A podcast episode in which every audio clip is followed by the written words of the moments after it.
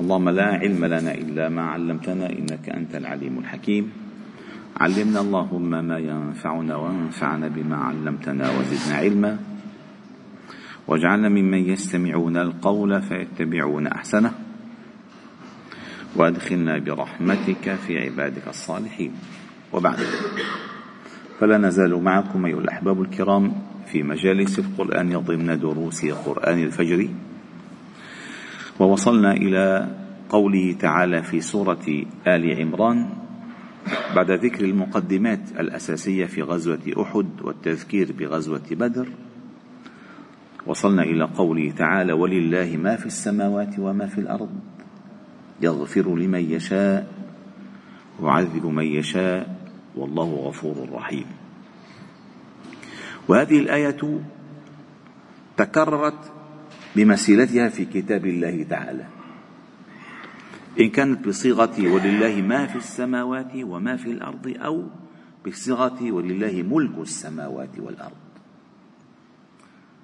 والملك وما ما تدل على الملك. ما أي كل شيء كل شيء في السماوات وفي الأرض هو لله. لا عندما تقول ولله هذه اللام في اللغة اسمها لام الملك. اسمها لام الملك. هذا لي. يعني لي يعني ملكي. هذا لي. وللنساء نصيب. أي يملكون النساء. وللرجال نصيب. تسمى هذه لام الملك. فعندما الله تعالى يقول ولله ما أي كل ما في السماوات وما في الأرض هو ملك الله. فالله مالك الملك.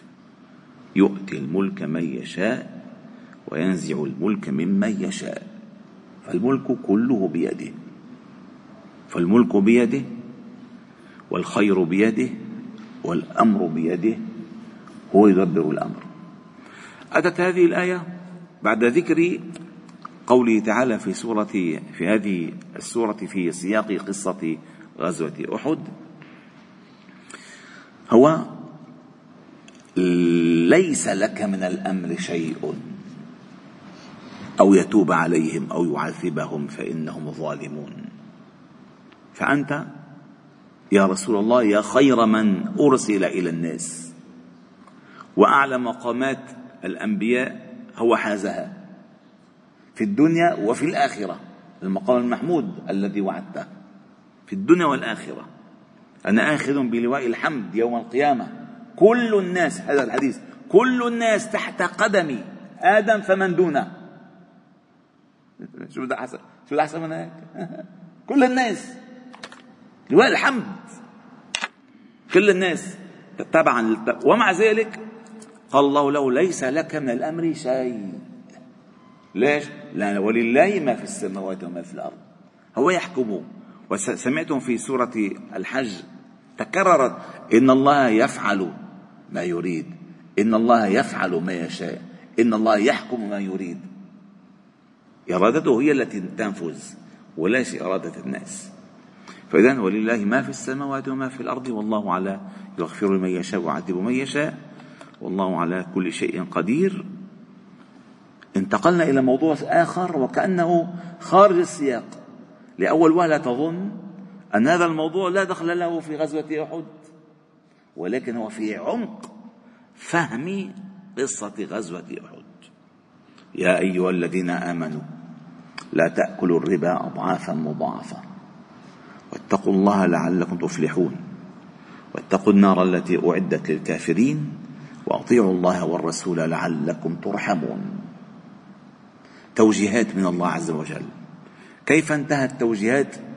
القرآن بعد ذكر قصة أهل الكتاب ومحاججتهم يا أيها الذين آمنوا لا تتخذوا بطانة من دونكم لا يألونكم خبالا. هنا بعدما بين ما حصل من النصر والظفر في بدر وما حصل من الهزيمة في أحد أتى التوجيه يا أيها الذين آمنوا لا تأكلوا لا الناهية يعني اجتنبوا النواهي. وأعظم النواهي التي ينبغي أن يجتنب الإنسان بعد الشرك بالله الربا. لأن ما في وعيد في كتاب الله تعالى مثل وعيد الربا. فإن لم تفعلوا فأذنوا بحرب من الله ورسوله. فإذا إذا كنت في حرب من الله ورسوله كيف سيأتي النصر؟ كيف؟ فإذا حتى تستوثقوا نزول النصر عليكم أن تراقبوا الثغرات الداخلية التي في المجتمع. وأخطر ثغرات داخلية في المجتمع هي الربا. لأن الربا يقض يقض مضاجع الأمن الاقتصادي كله في العالم. كله. والربا كما سمعتم أو سبق أن ذكرت لكم في آية البقرة الربا نوعان ربا الفضل وربا النسيئة. ربا الفضل في المعيونات العينيات يعني القمح والبر والشعير والزبيب و و وربا النسيئة التي كانت عليه الجاهلية يعني يستدين فلان من فلان. يستدين فلان من فلان. فيحين أجل الدفع. فيقول له الذي دينه للواحد يقول له زدني زدني مالا وأؤخر الأجل. يعني أنت تدفع عليك بواحد إشباط بصير ثلاثة بصير واحد إدار بس اللي معك مية بصيروا 200 وهكذا دواليك حتى تأتي الربا أضعافا مضاعفة. زدني مالا أزدك في الأجل. فهذه هذا كان في ربا الجاهلية. والإنسان قال إن أول إن ربا الجاهلية موضوع وإن أول ربا أضعه ربا عم العباس. هذا الربا الجاهلية التي هو النسيئة التي هو موجود الآن. هو موجود الآن في العالم. في العالم موجود الربا ربا النسيئة. فقال لا تأكلوا الربا. أضعافا مضاعفة. ابتعدوا عن الربا نهائيا. واتقوا الله لعلكم تفلحون. أي الفلاح لا يأتي إلا بتقوى الله. لأن الآيات في سورة في هذه السورة وإن تصبروا وتتقوا لا يضركم كيدهم شيئا. بلى إن تصبروا وتتقوا يأتوكم من فورهم. فإذا التقوى هي مفتاح النصر؟ قال واتقوا الله لعلكم تفلحون. واتقوا النار التي أعدت للكافرين. أي هذه النار أعدها الله للكافرين المخالفين. المخالفين الذين تعالوا عن عن الحق ورغبوا بالباطل حقت لهم النار. لأن النار النار من يصلاها؟ الله تعالى قال في كتابه فأنذرتكم نارا تلظى. لا يصلاها إلا الأشقى الذي كذب وتولى وسيجنبها الأتقى. فعندما اتقى اتقى عذاب الله وقاه الله النار. عندما اتقى ما خالف ما آمر الله تعالى به بالنهي ما نهى الله تعالى عنه وقاه الله النار. واتقوا النار التي أعدت للكافرين وأطيعوا الله والرسول لعلكم ترحمون. ولولا المخالفة من الرماة في جبل الرماة ما وقعت الهزيمة. وما سلب النصر. فإذا طاعة الله وطاعة رسوله وطاعة رسوله من طاعة الله. من يطع الرسول فقد أطاع الله. فالله تعالى إنما أرسل نبيه وقائلا وما آتاكم الرسول فخذوه وما نهاكم عنه فانتهوا. وكل ما أمر الله تعالى به وكل ما نهى الله تعالى عنه رحمة بكم. كله كله. سواء النهي سواء الأوامر. مهما كان الأمر في نظرك شاقا هو بالأصل رحمة لك. كتب عليكم القتال وهو كره لكم وعسى أن تكرهوا شيئا وهو خير لكم وعسى أن تحبوا شيئا وهو شر لكم والله يعلم وأنتم لا تعلمون. المصلحة الله يعلمها.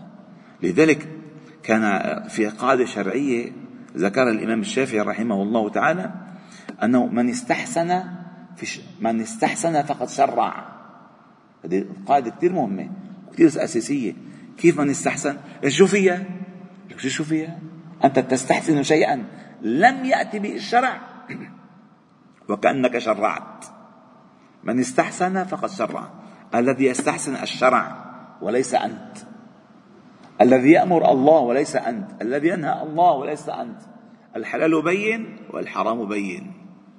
فإذا ما حرمه الله هو الحرام. وما أحله الله هو الحلال. وما سوى ذلك تخريص أفكار آه، نتنة لا قيمة لها. فقال وأطيعوا الله والرسول لعلكم ترحمون. وإن رحمة الله قريب من المحسنين. من المحسنين. فكلما كنت قريبا من التقوى كانت الرحمة قريبة قريبة كانت الرحمة قريبة منك. وكلما كنت بعيدا عن التقوى كان الرحمة بعيدة عنك. فالرحمة إنما تأتي مطرا وابلا صيبا على من يتقي الله ربه. فيفتح الله تعالى عليه ويمده بفيوض من عنده. إنه سميع قريب والحمد لله رب العالمين. سبحانك وبحمدك أشهد أن لا إله إلا أنت نستغفر ونتوب إليك. صل وسلم وبارك على محمد وعلى آله وأصحابه أجمعين. والحمد لله رب العالمين.